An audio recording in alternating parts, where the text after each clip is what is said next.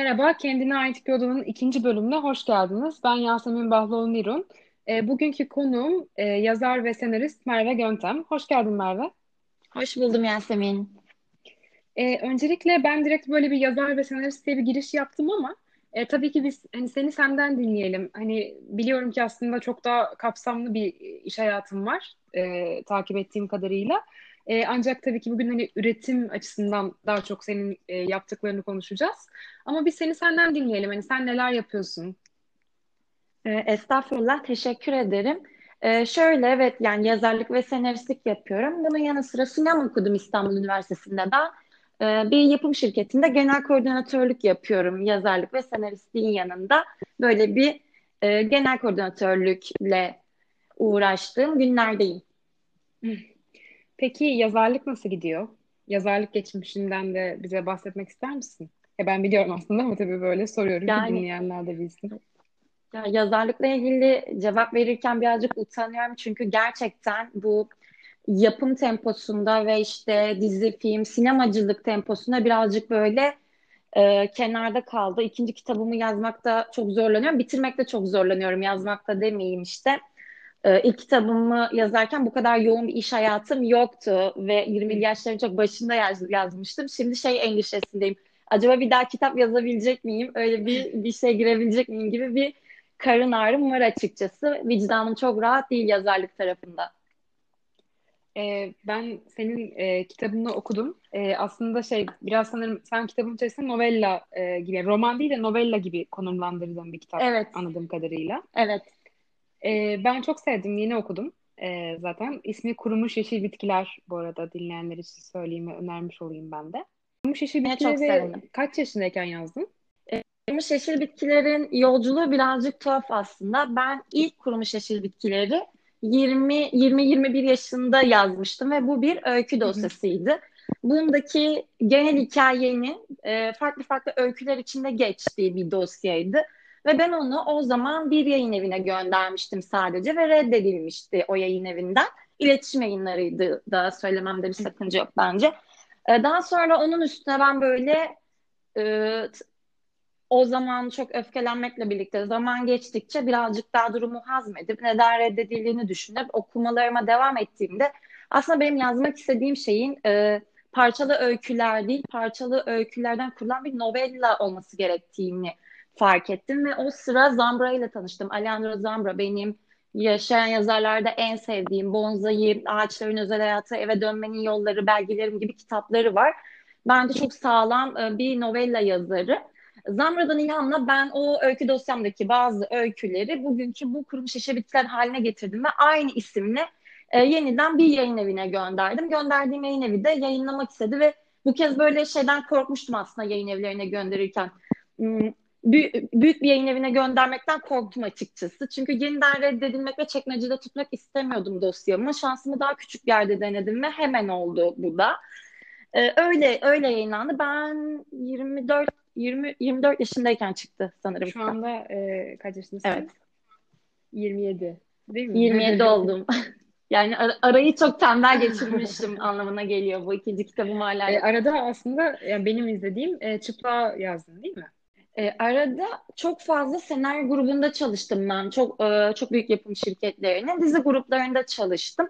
Çıplak evet en bağımsız projemiz olarak bizim yer alıyor. En son projemizde o. Can Evrenol'la birlikte yazdık Çıplak'ı. Aslında benim Çıplak'ı yazmaya başlama serüvenim de kurumuş yeşil bitkilerden geçiyor. Çünkü Can kurumuş bitkileri okumuş ve çok sevmişti. Biz onunla e, başka bir uyarlama kitap çalıştık. Perihan Maden'in Biz Kimden Kaçıyorduk annesini sinema filmine uyarladık Can'la. E, o çeşitli sebeplerle henüz çekilemedi. Belki başka zaman çekilir bilmiyorum. O esnada böyle çıplak diye bir çıplak o zaman ismi çıplak olmayan bir fikri olduğunu anlatmıştı Can bana. E, ve daha önceden karaladığı iki bölümlük bir senaryoyu atmıştı. Ve oradaki hani karakterin benim Kurumuş Yaşı Bitkilerdeki karakterle çok kardeş olduğunu hani o kızın o ruh hallerini falan gibi e, birlikte yazmayı teklif etmişti. Ben de çok heyecanlanmıştım ve öyle öyle çıplığa girmiştim Ve esasen. aslında senaryoyu yani iki kişi birlikte mi yazdınız? Evet evet Can'la birlikte yazdık. İki sezonda. peki mesela senin için ilk ilk iki kişi yazma deneyimi miydi yoksa daha önce de var mıydı böyle? Hayır, gruplarında daha da kalabalık 4 kişi 5 kişi yazdığım işlerde olmuştu ama onlar televizyon projeleri olduğu için haliyle o süreler o kadar kişilerle yazılıyordu. Tabii ki.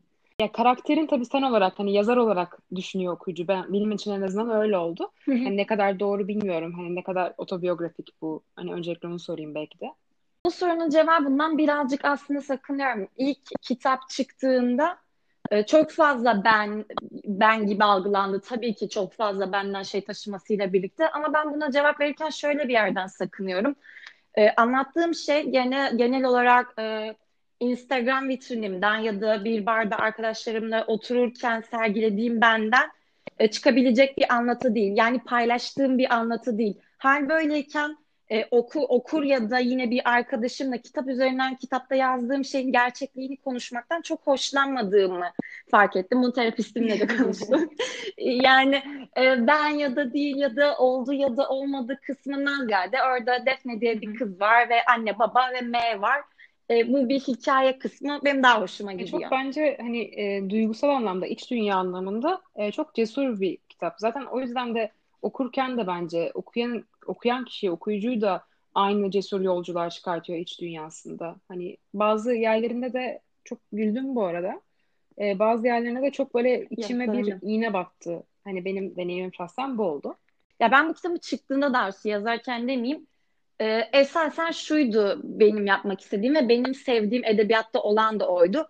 Başına bir takım felaketler ya da bokluklar gelir ve sen bunlarla mizah yoluyla başa çık başa çıkmanın yolunu ararsın. Başa çıkabilirsin ya da çıkamazsın. Bu edebiyatı da bu sinemayı da ben çok seviyorum. Burada yapmak istediğim de oydu aslında hani e, korkunç bir aile, baba bir tuhaf, anne bir tuhaf, anneanne bir tuhaf, mahalle bir tuhaf. Orada e, çıkmaya çalışan bir kız var ve orada bir mizahın peşine düşmüştüm ben. Ama kitabı okuduktan sonra çok insanla ağladım diye mesaj aldığımda ben böyle bayağı evde depresyona girmişim. Nasıl, nasıl yani? Ne, neden ağladılar? Ben komik bir şey yapmak istemiştim yani duygusal bir kitap olmasını hem istememişim hem de beklememiştim ama birazcık böyle daha fazla esasen hüzünlü geri bildirimler alıyorum bu kitapla ilgili. Öyle. Bence çok yani bende canlandırdığı iki kelime e, dediğim gibi hani cesaret ama bir de dürüstlük de hani çok hissettirdiği bir şeydi hikaye yani. boyunca. Yani ilk ne zaman sende yazma dürüstlüğü gelişti? İlk ne zaman e, kendini buna ihtiyaç duyarken mi diyeyim artık hani bilemiyorum veya bunu yaparken buldun? Öyle bir anın var mı böyle bir dönemin? Var var aslında. Ya ben böyle çok tuhaf bir ailenin içinde büyümekle birlikte içinde çok kitap olan bir evde büyüdüm. Yazmaktan önce çok küçük yaşta boyumdan çok büyük kitaplar okuyordum ve o, orada beni etkileyen bir şey oluyordu. Günlük tutmakla aslında başladım. Buna da çok küçük yaşta başladım. Böyle hatıra defteri gibi alınan defterlere ben kendimce roman taslakları yazıyordum ciltliyordum falan onları adımım adım yazıyordum. Evdeki kitapların kapaklarını kopyalayıp kendime kitap kapakları falan yapıyordum böyle. E, zaten bunlar da ilkokul 4. 5. sınıfa gittiğim en ilk hatırladığım o zamanlar. Yazmakla da öyle başladı denilebilir aslında. E, peki mesela ne zaman sana e, anlamlı gelmeye başladı diyeyim? E, şu zaman bu hatta Barış Bıçakçı'nın bir kitabında da geçiyor benim yazdığım şeylere ilkokulda şimdi Türkçe'de kompozisyon diye dersler vardı ve ben kompozisyonlarda millet böyle iki satır yazıp yazamazken ben hem kendiminkileri yazıp hem de diğer arkadaşlarımınkileri farklı farklı ağızlardan yazıyordum, veriyordum. Onlar da geçiyordu falan. O zaman böyle benim yazdığım şeylere bunu sen mi yazdın gibi tepkiler almaya başlamıştım. Barış Bıçakçı şey diyor, edebiyat bu cümleyle başlar diyor. Birisi sana bunu sen mi yazdın dediğin zaman e, galiba benim için o ortaokul lise yıllarında kompozisyonlar yazıp birilerinin yazdığım şeyleri benim yazıp yazmadığımı sorgulaması, şaşırması, onun peşine düşmesi hoşuma gitmişti ve ilk o zaman bunun daha ciddi bir şekilde peşine düşebileceğimi anlamıştım. Yani sana aslında böyle bir hani yeteneğim olabilir benim gibi mi hissettirmişti bu durum? Yeteneğim olabilir bilir gibiden ziyade Mesela yine o dönemlerde yazdığım şeylerle, okulların verdiği temalarla ben sürekli birinci oluyordum. İşte liseler arası bilmem bir şey, ortaokul bilmem bir şey. Mehmet Akif Bilgi bir şey yazıyorum, birinci oluyorum. Evet sürekli ve kitap setleri geliyor. Bir kutular, bir şeyler geliyor. O zaman aslında yeteneğim olduğunu hissetmiştim açıkçası. Çünkü yazmaktan başka da çok az şey yeteneğim vardı. İşte matematiğim berbattı. Diğer, diğer derslerimle çok fazla bir bağlantım bir şey yoktu. Sadece böyle sözel alanda bir ilgim vardı. Ve ben üniversitede de yazarlık okumak istemiştim. Öyle bir şey var mı yok mu? Sinemadan ziyade sinema okuluna girme sebebim de en bağlantılı ve en iç içe olan bu diye e, sinema televizyonu tercih etmiştim. Öyle. Ee, peki mesela şu an aslında son birkaç yıldır hani istediğin kadar yazamadığından bahsettin girişte. Ama ben yine de sormak istiyorum. Hani rutinlerin var mı seni bağlayan? Bu tabii hani kitap olarak değil hani senaryo yazımına da ilgili olabilir. Yazmakla genel olarak ilgili rutinlerin var mı? Var, var tabii ki de bu benim için birkaç alanda ayrılmaya başladı. Özellikle son 2-3 yılda bir para kazanarak yazdığım işler var. E, çünkü esasen para, para yazarak para kazanıyorum. Bunu tercih Hı-hı. ettim bir şekilde. Ismarlama olan ya da kendi yazıp sattığım işler var. Bu rutinimin büyük bir kısmını ka- e, kaplıyor. Çünkü bunların bir deadline'ları oluyor.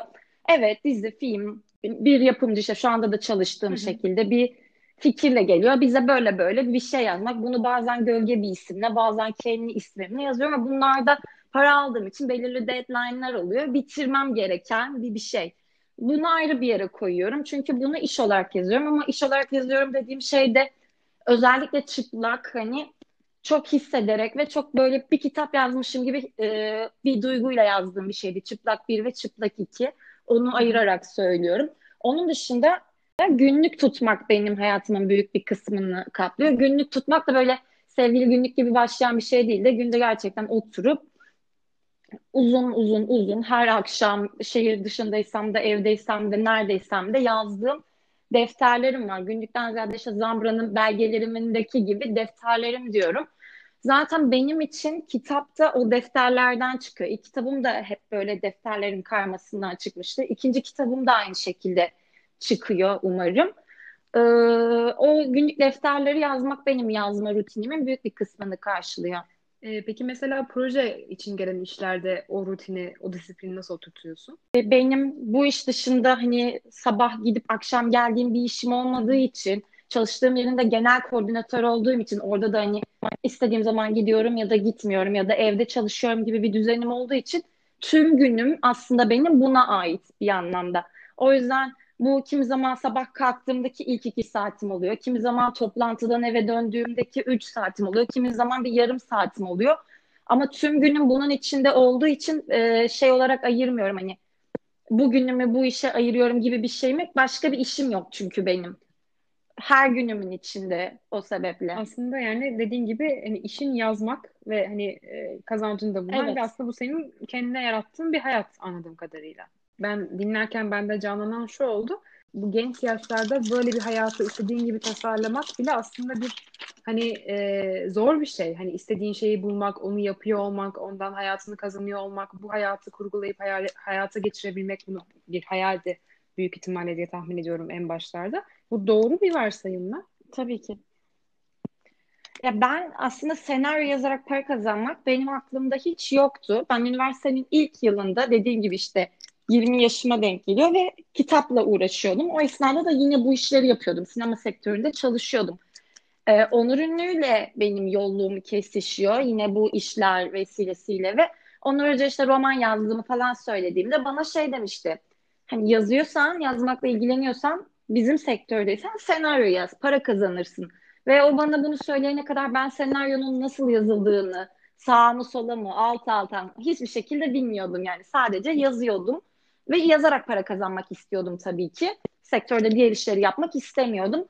Ee, Onur Ünlü'nün beni yönlendirmeleriyle, bana ısmarlama briefler vermesiyle, senaryo kitapları okuyarak e, çok kısa zamanda yazarak para kazanmaya başladım ve şey dedim. Oha bu çok iyi. Ya bu benim için çok kolay olacak. Ve gerçekten de senaryo yazarak para kazanmak benim için kolay, kolay oldu ve çok tercih edeceğim bir şey oldu. Çünkü e, sektördeki diğer işleri dediğim gibi o kadar keyif almıyordum. Yani yazmak varken tercihim bu oldu. Ya bu çok etkileyici bir şey bence. Büyük ihtimalle sana hani çok e, alışıldık geliyor hayatın içinden ama hani istediğin şeyi bulup onu yapıyor hale gelmek aslında bence yani hayatın sıradanlığının içinde e, hayata tam da tat katan şey. Yani o yüzden e, çok etkileyici. Kesinlikle öyle, kesinlikle. Peki yani bu böyle senin için hani tabii ki öyle olmamıştır ama hani düz bir yol mu oldu yoksa hani mesela de, bunu oluşturmaya çalışırken kendinden şüphe ettiğin yok ben bunu yapamam veya hani şey lafları da vardır ya daha böyle toplumsal bir ses olarak hani ya o işler öyle değildir oradan para kazanılmaz o işlerde e, o, o işler öyle olmaz gibi. E, bu laflar hani kafanda veya çevrende bir şekilde senin karşına çıktı mı bu yola girerken? Ya insan çevremden ziyade en çok ben kendisiyle mücadele veren, iç sesiyle mücadele veren bir insanım. Oğlak burcuyum ve beni sürekli yiyen bir ses alıyor içimde. O da beni tabii ki en çok kitapla ilgili rahat bırakmıyor ve kitap e, kitap yazma konusunda hayatta sadece olmak istediğim yerde olmadığımı düşünüyorum. Gerçekten yaşım oranla e, iş işte ve işte senaryo alanında çok tatminim. Yapmak iste yapmak istediklerimi uygulayabilme anlamında çok şanslıyım. Çok şanslı oldum. Bir tek böyle e, kendimi eksik hissettiğim kita kitap oluyor. O da işte her şey hem bir anda olmuyor.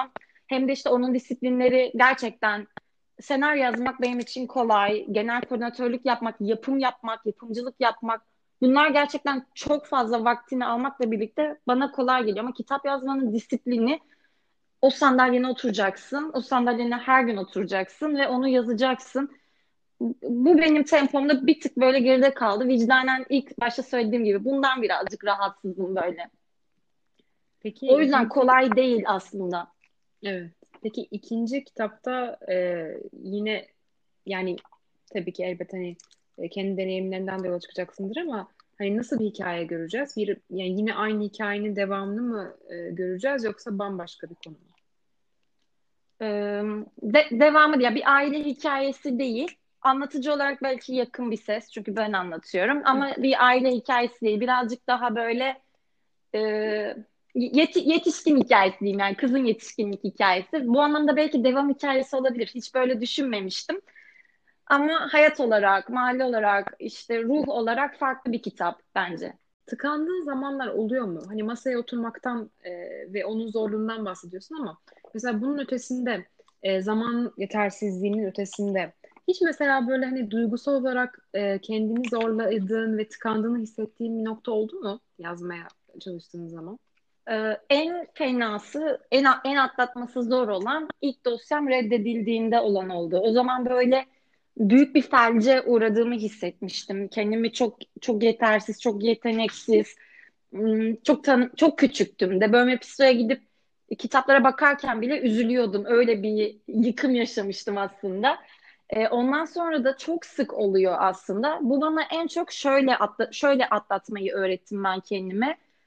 E, saçma da gelebilir bilmiyorum. Farklı yazım süreciyle ilgili kitapları okumak. Benim kitaplarımın büyük bir kısmını bu e, yazım sürecini anlatan kitapları okumak oluşturuyor. Çünkü her seferinde bir şekilde gaza geliyorum ve bir şekilde bu işin nasıl yapılabildiğini, o ilk cümlenin nasıl bulunabildiğini hatırlatıyor buluyorum kendime. Bu şey demek değil. İşte iki tane yaratıcı yazarlık kitabı okuduktan sonra müthiş gaza geliyorum ve çok iyi yazıyorum gibi bir şey değil tabii ki. Ama böyle kurgu okumaktan, öykü okumaktan, roman okumaktan daha işin nasıl yapılabildiğini ve yeniden kollarımı nasıl sıvı, sıvayabileceğimi öğretiyorum onları okuyarak kendime. Yüzde yüz hani bir formülü de olmadığını düşünüyorum. Çok sık içine düştüğüm bir şey çünkü bu söylediğin şey benim. Peki mesela hani genelde bu eminim ki belli başlı ilham aldığın kitapların vardır. Hani yaratıcı yazarlık anlamında.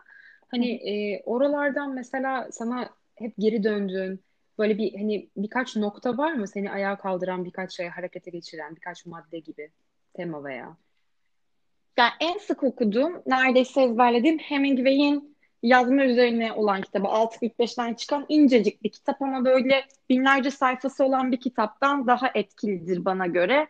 O kitap beni e, çok motive eder. Bir de bir senaryo kitabı, Sitfield'in senaryo yazımı ile ilgili kitabı. Ama bana göre o kitapta senaryo yazım kitabından çok daha kapsayıcı bir kitap. Yani bir roman yazmak isteyen de onu okuyabilir, bir oyun yazmak isteyen de bence onu okuyabilir. E, bu iki kitabı hep masamda, sağımda, solumda, yatağımda, makyaj masamda her yerde tutarım yani. Görüp karıştırmak iyi gelir bana, iyi hissettirir. Bir şey bulurum içinden mutlaka. Mesela o bulduğun şeylerden aklına gelen var mı hani kalbinden geçen? Hani şu beni hep bana kancayı takar, beni hep götürür dediğin. Bir tane var tam okumak istiyorum onu ama. Çok kısa bir şey zaten. Diyor ki kişisel trajedini unut. Hepimiz zaten baştan hapı yutmuş olsak da adam akıllı yazabilmen için ciddi ciddi incinmen gerekir. Fakat incindiğin zaman da acınla sahtekarlık yapma. Kullan onu. Bir bilim adamı tarafsızlığında yaklaş. Bu, bu benim hep kendime öğretmek istediğim bir şeydi. İlk kitabımdan beri. Yani insanlar başına gelen her olaya çok fazla önlem atfediyor. Hemingway'in burada başına gelen olayla sahtekarlık yapma ve kullan onu demesi sadece acıyla ilgili bir şey yazmakla ilgili değil. Ee, pornografik bir şey yazarken de, seri katil hikayesi yazarken de, senaryo alanında özellikle yazabileceğim her şeyde çok işime yarıyor benim. Çünkü oradaki acına sahtekarlık yapma dediği şeyi komediye de uyarlayabiliyorum, drama da uyarlayabiliyorum, korkuya da uyarlayabiliyorum. Bilmiyorum bendeki etkisi geçer mi dinleyenler ama en büyük o kitaptan aldığım şey benim budur. Tarafsız yaklaşmak. Eylül'ün hikayesine de aynı o şekilde yaklaştığımız gibi. Eylül bir escort ama çok basic bir escort yani jean ve converse ve işte hoodiesini giyinip 5-6 erkeğin olduğu bir eve gidiyor eskortluk yapmaya. Bu tarafsızlık benim çok hoşuma gidiyor. Senin kitabındaki bir cümleyi anımsattı bana bu Hemingway'in e, cümlesi. E, şey, intiharlar iptal yazıyoruz. Evet, evet, evet, evet. Değil mi? Sanki bir Kesinlikle. evet. şey var yani. Hissiyat paylaşımı var Kesinlikle. yani. Zaten bunu Hemingway'den kelime çok öğret önce mi okudum sonra mı hatırlamıyorum ama muhtemelen öncedir. Şey yani hep aklımda tuttuğum. Çünkü ilk kitabım ben yazarken benim kitabım çok şeye uygun bir kitaptı.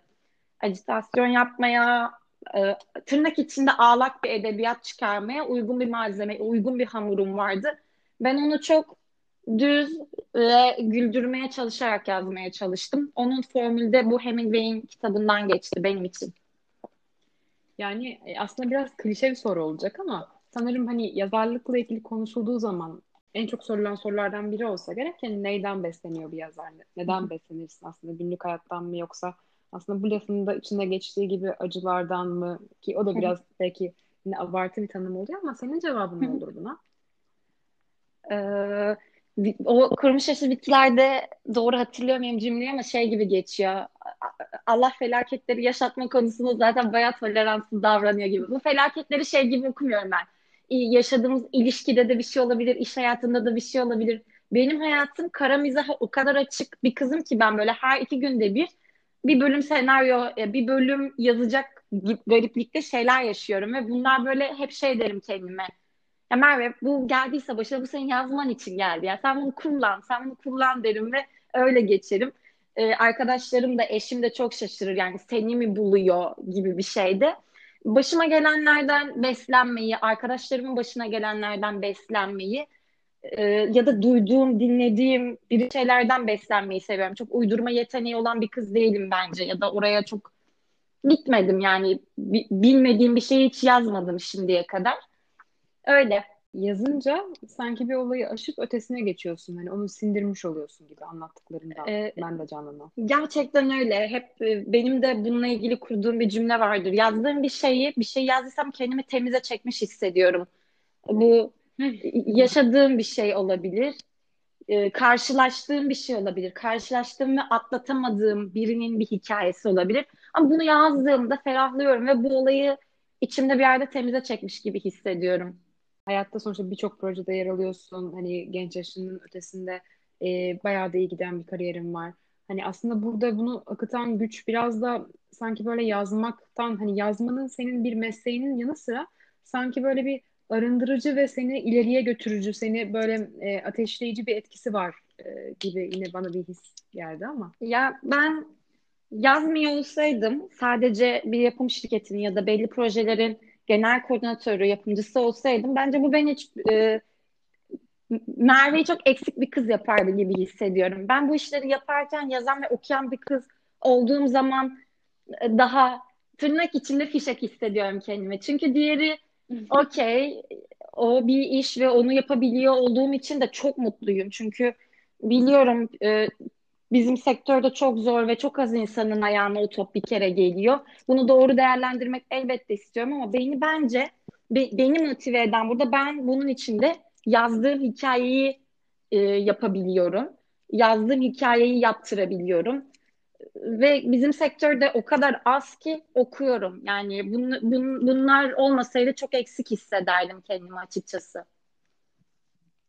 E, peki mesela e, yazmak için temel olarak neye ihtiyacın var? Hani bu böyle bir kalem bir defter gibi bir cevap da olabilir tabii ki ama hani aklına ne geliyor? Neye ihtiyaç duyarsın yazmak için kendini böyle oraya getirmek için? Ya benim için kapalı bir kapı. Gerçekten burada podcast'inin adına da biraz uygun ama ama bu kapalı kapı sadece şey değil. O, o kapı biraz da kendi kapattığım kapı. Mesela ben kafelerde de çok iyi çalışırım ama orada da kendimi bir kitlemeyi bilirim. Bir kulaklıkla, bir şeyle.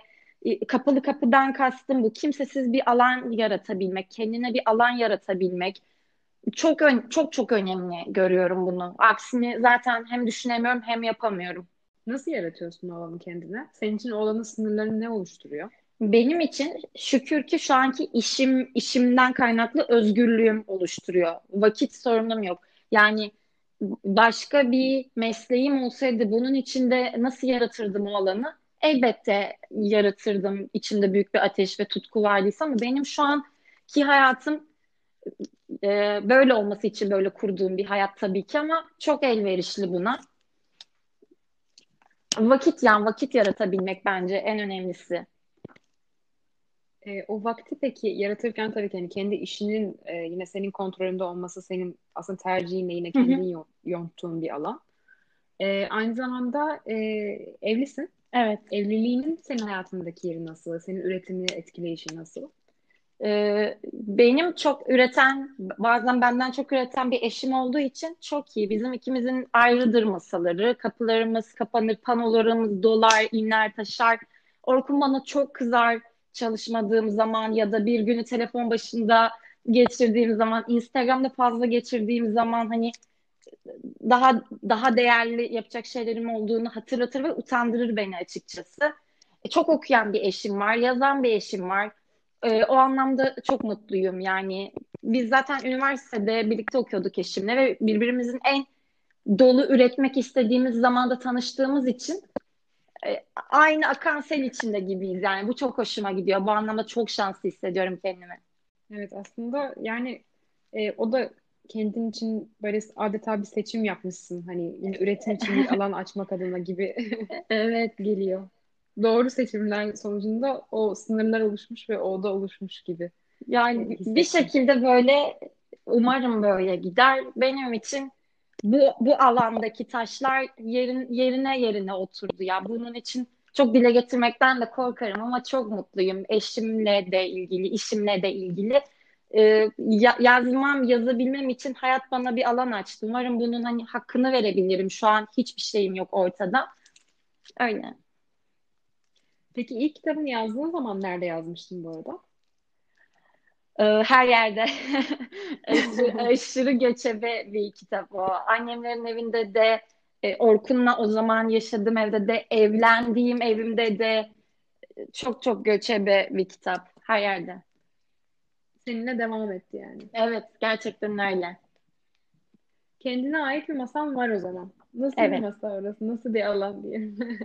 ya aslında e, dürüst olayım. Çalıştığım masada çok fazla yazıyor muyum emin değilim. Çünkü bu masa benim salonumun ortasında bir masa ve kita e, kitaplarımın olduğu alanda bir masa. Burada çalışıyorum. Burada rahat senaryo yazıyorum. Ama kitapla ilgili yine ben böyle şeye e, çok alıştırdım kendimi. Bir, bir yere gidip kendimi bir şekilde kapatmaya, evden çıkmaya ya da şeyde de ben çok güzel yazarım ve buna çok şaşırırlar. Yatak odasında bilgisayarı kucağıma alıp yazmaya. Bunlar birazcık daha bana böyle şey geliyor. Kendimi kapattığım küçük alanlar gibi geliyor. Küçükken oynanan evcilikte yarattığın alanlar olur ya. Öyle küçük alanlarda yazmayı daha çok seviyorum galiba. Doğru ifade edebiliyor muyum bilmiyorum. Da salonumun ortasındaki büyük masada büyük bir alanda hissediyorum kendimi. Delice ama doğru ifade edebildim mi bilmiyorum. Ama nerede olursan ol sonuçta o alanı oluşturmak için aslında bir e, bilinçaltında da olsa bir özen göstermiş oluyorsun. Tabii ki, tabii ki. Bir kendi kabuğuna çekilmek hani bazen kafelerde ama bazen de o küçük alanı yaratarak yani. Evet, evet. En çok ne için mücadele ederken buldun kendini? Yani şu ana kadar özellikle üretim anlamında, hani üretim yapmaya çalışırken herhangi bir anlamda. Ee, hani hangi rüzgara karşı giderken buldun en çok kendini? Ya ben bu sektöre karşı çok mücadele ettim tabii ki. Ya yaşım çok genç şu an. Böyle dediğimde kızanlar da olabilir ama ben zaten çok genç bir yaşta kendi işlerimi kurmuştum. Üniversitenin son yılında eşimle o zaman evli değildik. Ortak bir yapım şirketi kurmuştuk biz. Ve o zamanki mantığımız bugüne taşıdığımız yapmak istediğimiz işleri yapacağız. Sette sektöre girip çalışmayacağız. İşte ben yazacağım sen çekeceksin gibi bir çocuk oyunundan büyüyen bir hayatımız olduğu için bizim esasen ilk yıllarında bu kadar kolay değildi. Ama biz o yolda e, Cihangir'deydi bizim iş yerimiz ve çok dik bir yokuşun altındaydı. Ben her gün o yokuştan çıkıyordum ve işte para kazanmıyoruz, hiç paramız yok falan ve her gün şey diyordum kendime. Merve bu yokuştan her gün çıkıyorsan bunun bir anlamı vardır. Bu yokuştan her gün çıkıyorsan bunun bir anlamı vardır.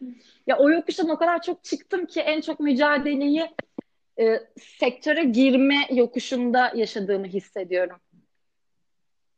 Kolay ne değildi. Seni, yani ne senin mücadele ettiğini hissettirdi? Para kazanmak tabii ki. Yani kendime bir hayat kurabilmem için kendi paramı kazanıyor olmam gerekiyordu. Ve üniversitenin hani son yıllarında tecrüben yokken şans bulman da çok zor bizim sektörde. Çünkü tecrüben yokken iş deneyimleyemiyorsun. Diğer bitirdiğin okulların aksine ki onlarda da çok kolay olduğu söylenemez ama bizim burada bir seçim yapıp iki yol vardı. Ya setlere girecektik ve e, asistanlık yapa yapa yapa yapa yapa yapa bir zaman kat edecektik ve o yolda e, kendi alanımızda kendimizi ifade edecektik. Biz ikinci yolu dediğim gibi bir oyun oynar gibi tercih ettik ve bir iş yeri kurduk. Bizim ailelerimiz öyle çok varlıklı aileler değil açıkçası. Ve ailelerimize krediler çektirip onlara bunu ödemeyi vaat edip asla ödeyemeyip bir yapım şirketi kurduk eşimle. Ve onun ilk yılı çok zordu. Çünkü tabii ki çok az iş yapabiliyorduk. Tabii ki hiç paramız yoktu ama bir ofisimiz vardı boğaz manzaralı falan. O esnada bizim işte sektörden bir takım yönetmenlerle, bir takım insanlarla tanışmamız ve kendimizi gösterebilme fırsatlarımız oldu. Ee, para kazanmak diyebilirim aslında soruna cevap. Çok uzattım ama. Yok çok önemli bir cevap zaten. Yine şey, ya kolay kazanmadık para. Öyle, öyle söyleyeyim. yani yine aslında kendine ait bir odada da e, şey e, çok geçen bir konu. Hani e, bu işin gerçeği Hı-hı. hani özellikle kitapta tabii ki bir kadın edebiyatçı özelinde Hı-hı. ama genel olarak da e, zaten Hı. para kazanmadan bazı alanlar açılmıyor ve e, o yaratıcı süreçler içinde yapılmak istenen işler, üretilmek istenen e, eserler içinde diyeyim. Hani o alan açılmıyor aslında. Bu hayatın en e, has gerçeği belki de. Kesinlikle öyle. Yani bu kadın erkek diye ayırmalı mıyım doğru mu bilmiyorum ama bizim alanda üreten bir kadın olmak için para kazanmak, çok para kazanmak gerçekten bir duruşla para kazanmak gerektiğini düşünüyorum. Çünkü şeye çok inanıyorum. Bunu bana eski erkek arkadaşım söylemişti. Senin değerini senin niteliklerin belirler. Yani değer görmek istediğimiz bir alan yazıyorsak, çekiyorsak, resim yapıyorsak ama ortaya bir niteliğimizi koymamız gerekiyor. Ben sadece e, Instagram vitrinimle var olamazdım, iş alamazdım. E, niteliklerim olmalıydı. Bir kitabımın olması olabilir. Bu bir kısa film çekmiş olmam olabilir bu. Bir festival gezmiş olmam olabilir bu. Ya bunları arka arkaya dizmenin çok önemli olduğunu düşünüyorum. Bu anlamlarda yine asla vazgeçmeyeceğin şey bir şey var mı hayatta? Hmm. Bunu yapmaktan asla vazgeçmem, bu beni eksik bırakır diyeceğin. Yani bu tarz hayatımda bu kadar netlikler olan bir insan değilim açıkçası. Ne söylesem biraz yalan olur. Her şeyden vazgeçebilirim. E, en vazgeçmem dediğim şeyden de hiç vazgeçmeyebilirim. Ama hani her şeyden vazgeçsem de herhalde kitaplarla olan bir dünyadan, okumaktan ya da günlük tutmaktan hani bir şey ciddi bir şey yazıyor olmasam ya günlük tutmaktan vazgeçmem mesela. Yani okumak da aslında e, yazmanın bir temel taşı desem. E, Tabii çok ki. Şey, böyle büyük bir yönde bulunmuş olurum. yok yok kesinlikle öyle. Kesinlikle öyle. Aslında ikisi de e, şeyler okumak ve yazmak. Ya ben içinde kitaplar olan bir evde büyümeseydim yazıyor olmazdım muhtemelen. Çünkü bile, bilemezdim yani kendini öyle ifade etmenin de bir yolu olduğunu. Nereden bilebilecektim? Çünkü şey değil, evde evimizde çok kitaplar vardı ama annem de babam da çok okuyan tipler değildi. Farklı farklı sebeplerle. O yüzden kit, kitap dünyama girdi ki yazarak bir hayat var edebileceğimi aydım yani. Kitap da aslında insana kendine ait bir dünyaya çeken e, bir araç. Benim elbette, elbette. Özellikle hani küçük yaşlarda e, insanın çok hayatını değiştirebilen, e, çok onu olduğu yerden alıp götüren e, bir araç bazen de. Kesinlikle, kesinlikle. Merve o zaman çok teşekkür ederim katıldığın için. E, ben teşekkür ederim. Için.